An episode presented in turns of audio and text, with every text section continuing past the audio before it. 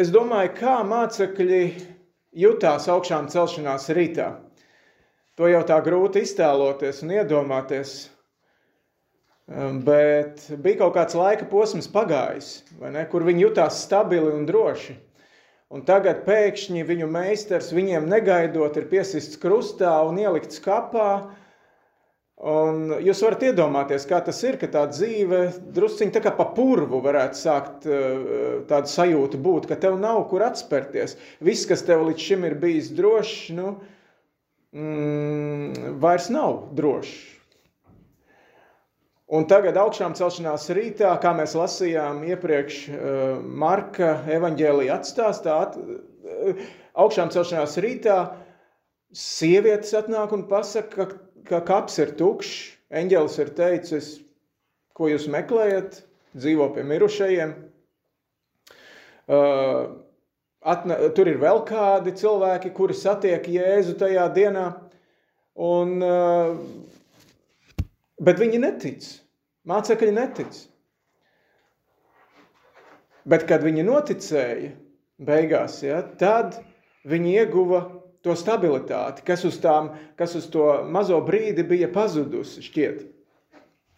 Un es gribu nolasīt, ko māceklis, Jēzus māceklis Pēters, Pētera pirmajā vēstulē, pirmajā nodaļā, eh, otrajā nodaļā atvainojos, eh, viņš eh, tas ir jau daudz vēlāk, bet viņš raksta tādus vārdus.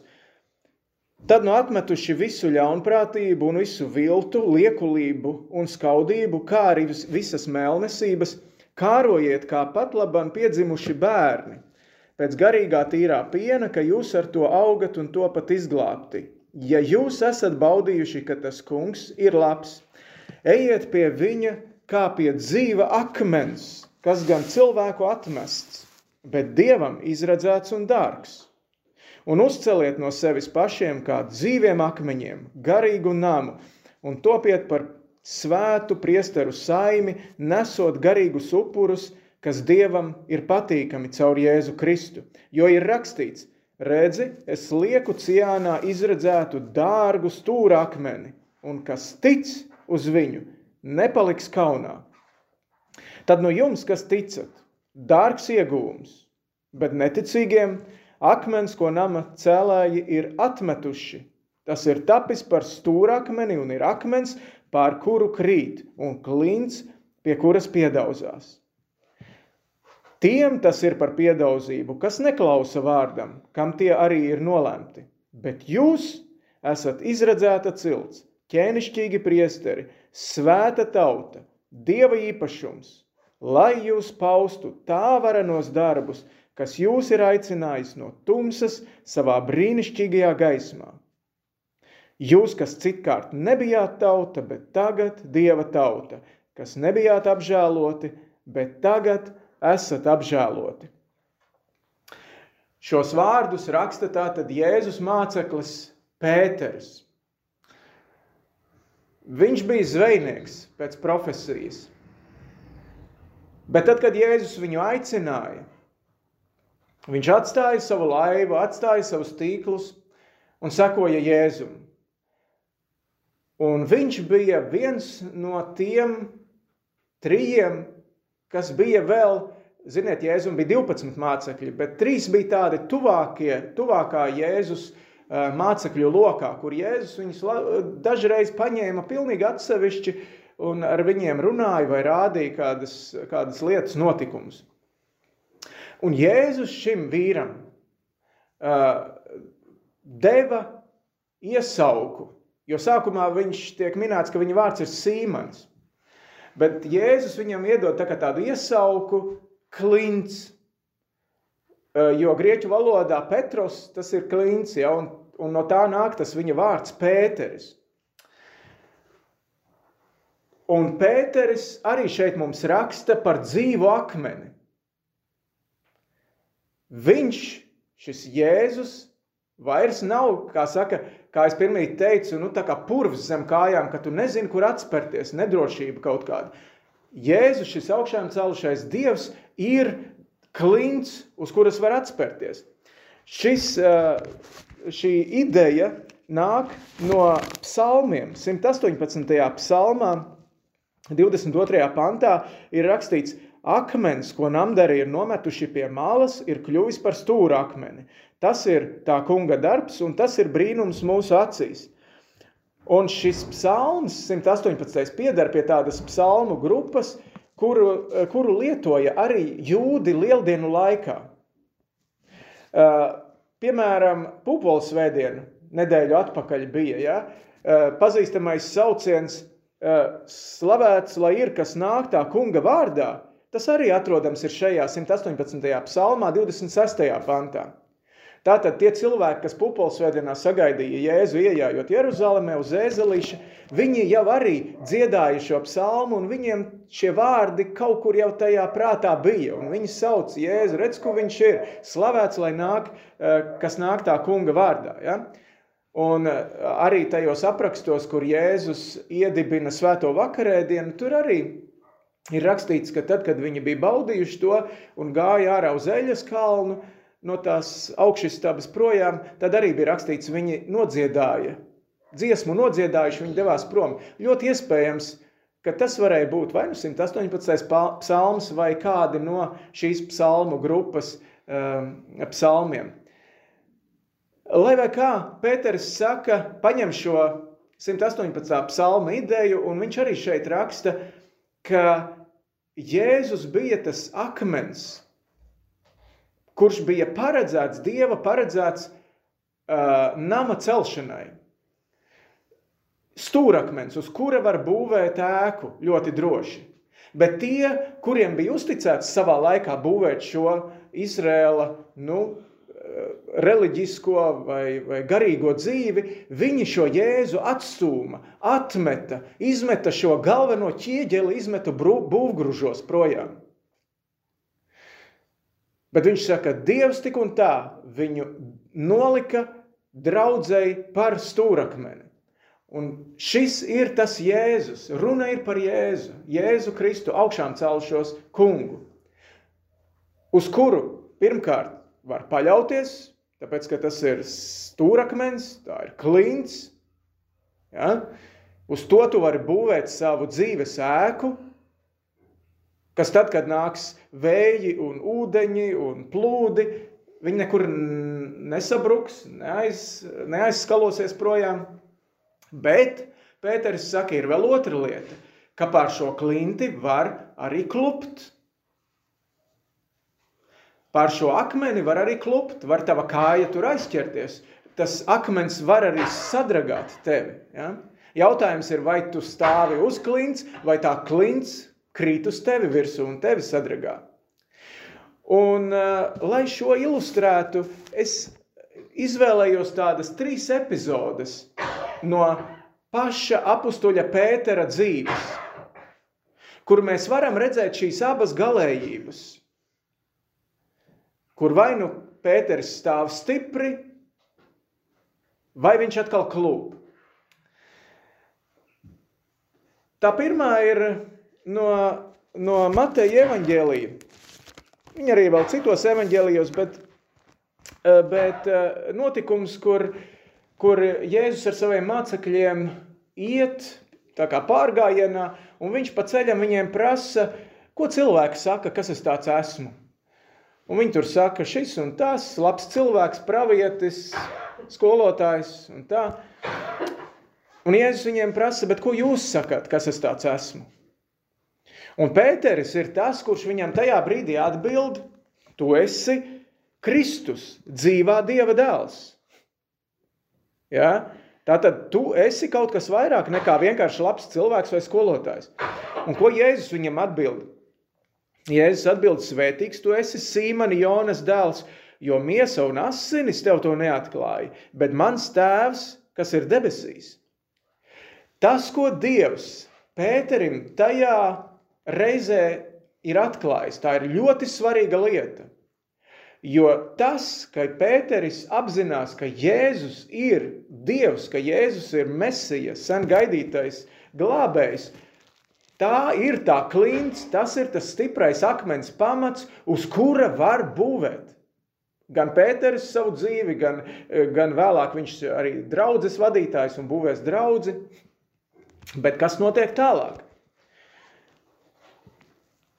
Pēc maza brītiņa, pēc dažām minūtēm, mēs tā varētu iztēloties, ir rakstīts, no tā laika Jēzus iesāka saviem mācekļiem rādīt, ka viņam vajagot noiet uz Jeruzalemi un daudz ciest no vecajiem un augstajiem priesteriem un rakstu mācītājiem un tikt nokautam un trešajā dienā augšām celties.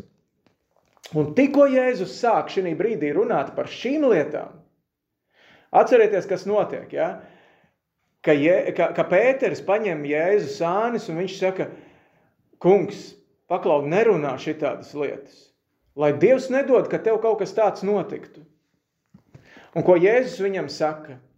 Atcerieties, ļoti skarbus vārdus. Jēzus viņam saka, sāten atkāpies no manis.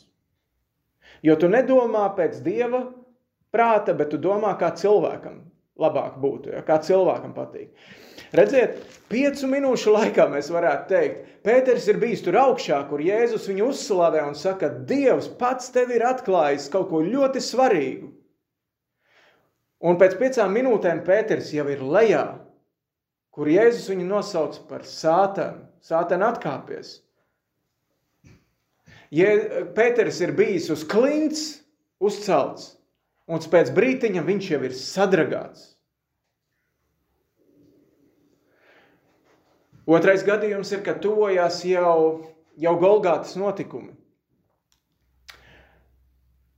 Jēzum priekšā tulīt, tulīt būs nodevība, kur jūda nāks un viņu nodos, būs ciešanas. Un Jēzus saka saviem mācekļiem, jūs visi izklīdīsiet, visi mani atstāsiet.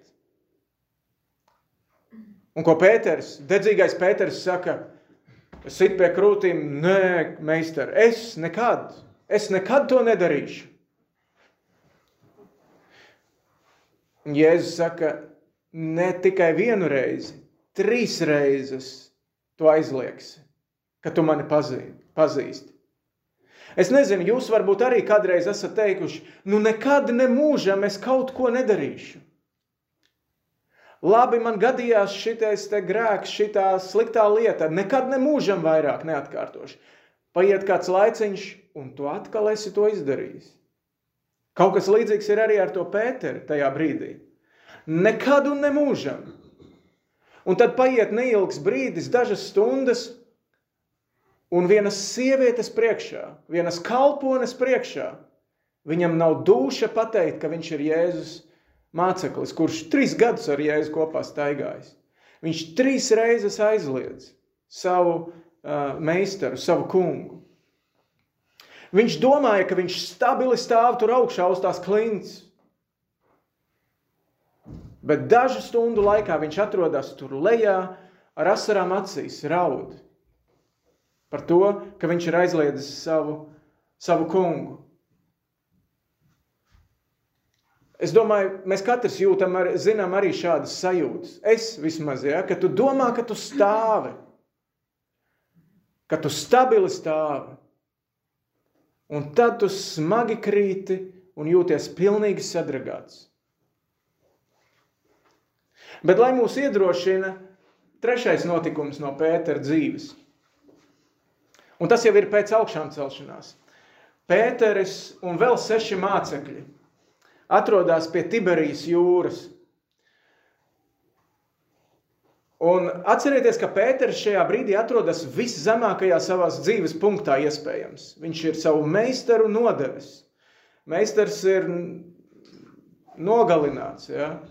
Jā, ir bijusi augšām celšanās, viņš, viņš ir parādījies saviem mācekļiem un tā, bet Jānis, Jāni evaņģēlī pašās beigās raksta šo notikumu, ka, ka Pēteris un, un šie mācekļi atkal atrodas pie jūras. Viņš savā veidā pasaka, ka tie trīs iepriekšējie gadi kaut kādā veidā viņa dzīvē ir norakstīti. Nu, viņi ir bijuši labi gadi, bet viņi ir skumji beigušies. Vai ne? Nevis tikai tāpēc, ka Jēzus bija piesists krustā, meistars ir miris, bet tā vilšanās sevī pašā. Pēteris iespējams ir ļoti, ļoti vīlēs sevī pašā, un viņš saka, viss, es eju zvejot. Es eju atpakaļ. Es eju atpakaļ tur, kur es biju, tad, kad vēl pirms Jēzus man aicināja. Es atgriežos savā vecajā arodā, es būšu zvejnieks, iešu atpakaļ. Un tad viņi zvejo, un Jānis apraksta šo skatu, ka rīta miglā viņi redz, ka viens cilvēks krastmalā, krastmalā stāv. Un Jānis ir jaunāks, viņam skaidrākas acis, un viņš piebiksta Pēterim un saka, tas ir kungs. Tas ir kungs, kas tur stāv krastmalā. Un Pēters saprot, kungs pēc manis ir atnācis. Kungs ir atnācis man pakaļ. Un mēs lasām, ka viņš tur, viņš nomet, nē, viņš apvelk drēbes laikam, jo viņš bija izmeties kails, ne, lai, lai strādātu. Viņš metās jūrā un pelda pirmais uz krastu. Viņi pēda brokastis, kuras Jēzus tur ir sagatavojis viņiem krastā. Un Jēzum ar Pēteri ir īpaša saruna. Un Jēzus viņam prasa, vai tu mani mīli? Jā, es tevi mīlu. Tad gani manus jērus. Un, Pēter, un Jēzus prasa vēlreiz, otrreiz, vai tu mani mīli? Jā, kungs, es tevi mīlu. Tad gani mani savas. Trīs reizes šis jautājums. Tāpat kā, kā Pēters bija trīs reizes no, nodevis, aizliedzis Jēzu, tāpat Jēzus trīs reizes prasa, vai tu mani mīli? Respektīvi, Jēzus viņam saka, Pēter, tu man esi vajadzīgs. Es tev joprojām uzticos. Pat ja tu esi tur zemē, tu esi tur lejā, tu esi sadragāts. Un Pēters tur bija. Bet Dieva žēlastība viņu pacēla tajā brīdī atkal uz klints. Un tas atkal notiek īsā brīdī. Pēc vienas sarunas Pēters ir atkal nolikts uz stabila pamata. Atļaujiet man nobeigumā izstāstīt arī no manas pieredzes šajā nedēļā. Nepilnu nedēļu atpakaļ otrdienas vakarā es arī jutos galīgi, galīgi satriekts. Es biju vīlies sevi, jo es netiku galā ar kādām problēmām, kuras bija kādās attiecībās krājušās jau ilgāku laiku ar kādu cilvēku. Un tas bija tāda krīze, es vienkārši netiku galā. Tas mani plēsa no iekšpuses. Es gāju ārā, es staigāju lielu gabalu, es, es, es lūdzu Dievu, un šķita, ka es tajā vakarā arī nomierinājos. Viss tā kā sastājās pa plauktiņiem. Izgulēju nakti, un trešdienas rītā atkal viss aizgāja pa jaunu. Viss tas augonis uzplīsa atkal no jauna. Es biju lejā, un es netiku pats ar to galā. Tas akmens mani satrieca.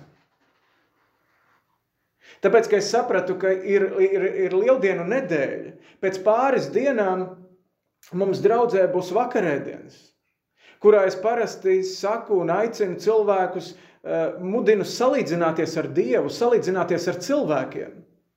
Neturēt kaut kādas rūkumus, kaut kādas naidas, kaut ko neizrunāt. Un tad es domāju, bet es pats, kāds es esmu pats? Es esmu liekulīgs, jo man ir šis rūkums iekšā. Un tad mums šajā nedēļā bija nedēļa ar labo vēsti, kur arī mans brālēns sludināja. Un tajā vakarā, trešdienas vakarā, bija šī evanģelizācijas un svētīšanās sapulce Liepājām. Pāvila draudzē. Un man bija izdevība tajā vakarā, tas vakars man bija brīvs un aizbraukt uz turieni. Un pirms vēl viņš bija sācis sludināt un runāt, es sapratu, ka man šī lieta ir jānes Jēzus krusta priekšā. Un man galvā skrēja domas, ka varbūt nu, es aiziešu citu dienu un individuāli parunāšu un, un kaut kā tā, bet, bet es sapratu, nē, tas ir jāizdara tagad. Jo citādāk es atkal mocīšos un mocīšos vēl vairāk, ka bija iespēja un es to neizmantoju. Un tikko bija šis aicinājums tiem, kam ir kuri grib pieņemt Jēzu par kungu un pestītāju pirmkārt, bet arī tie, kuri grib nomazgāt kaut kādas savas netīrumus no sevis, no, no savām sirdīm un dzīvēm, kuri grib lūgt Dievu par kādām lietām, lai nāk priekšā. Tikko bija šis aicinājums, es gāju, par mani lūdzu Dievu. Es, es bišķiņ paraudāju arī, ja? Bet tajā brīdī pilnīgi pilnīgi fiziski es jūtu, ka notiek brīnums. Jo tas rūkums pašā saknē tika izravēts. Atkal pēc būtībā dažu minūšu laikā es no tās lejas biju pacelts augšā. Vēlnam vairs nebija uh, iespējas, nebija vairs varas indēt mani no iekšpuses ar kaut kādām rūktām domām. Es biju tur lejā, bet Dievs mani atkal uzcēla uz klints. Uz dzīves klints.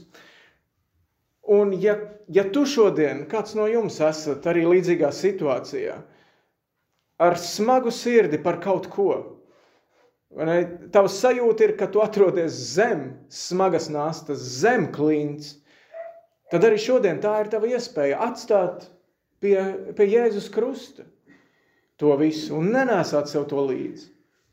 Jo Jēzus tev ir atnācis pretī. Ja?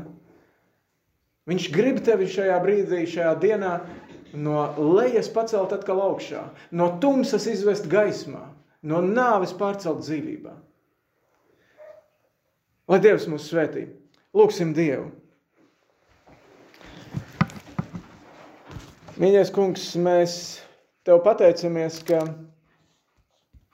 augšām celšanās ir realitāte, kurai ticot, visas tās eh, citas lietas sastājās pareizās vietās, tā kā planētas ap sauli. Un piedod, ja mēs eh, kaut kādas citas rūpes, likstas un problēmas esam ielikuši kaut kādā dzīves centrā un, un tiksminamies ap tām, un, un viss pārējais tikai ap šo sāpi un ap šo augoni riņķo apkārt. Un jā, tur ir arī kaut kur dievs, un ir arī draudze, ir dievkalpojumi kaut kur, bet tie riņķo kaut kur apkārt tam. Un mēs staigājam kā pa purvu. Tad es lūdzu, ka šodien tas var mainīties ka viss var paiet un viss var kļūt jauns. Ka tu atkal tiec nolikts mūsu dzīves centrā, ne tikai vārdos, bet pa īstam. Un ka pārējās lietas tad sakārtojās un var tikt, kā tu apsoli, ka, ka tās var tikt piemestas klāt no Dieva žēlastības. Jēzu, mēs to lūdzam tavā vārdā. Āmen. Amen.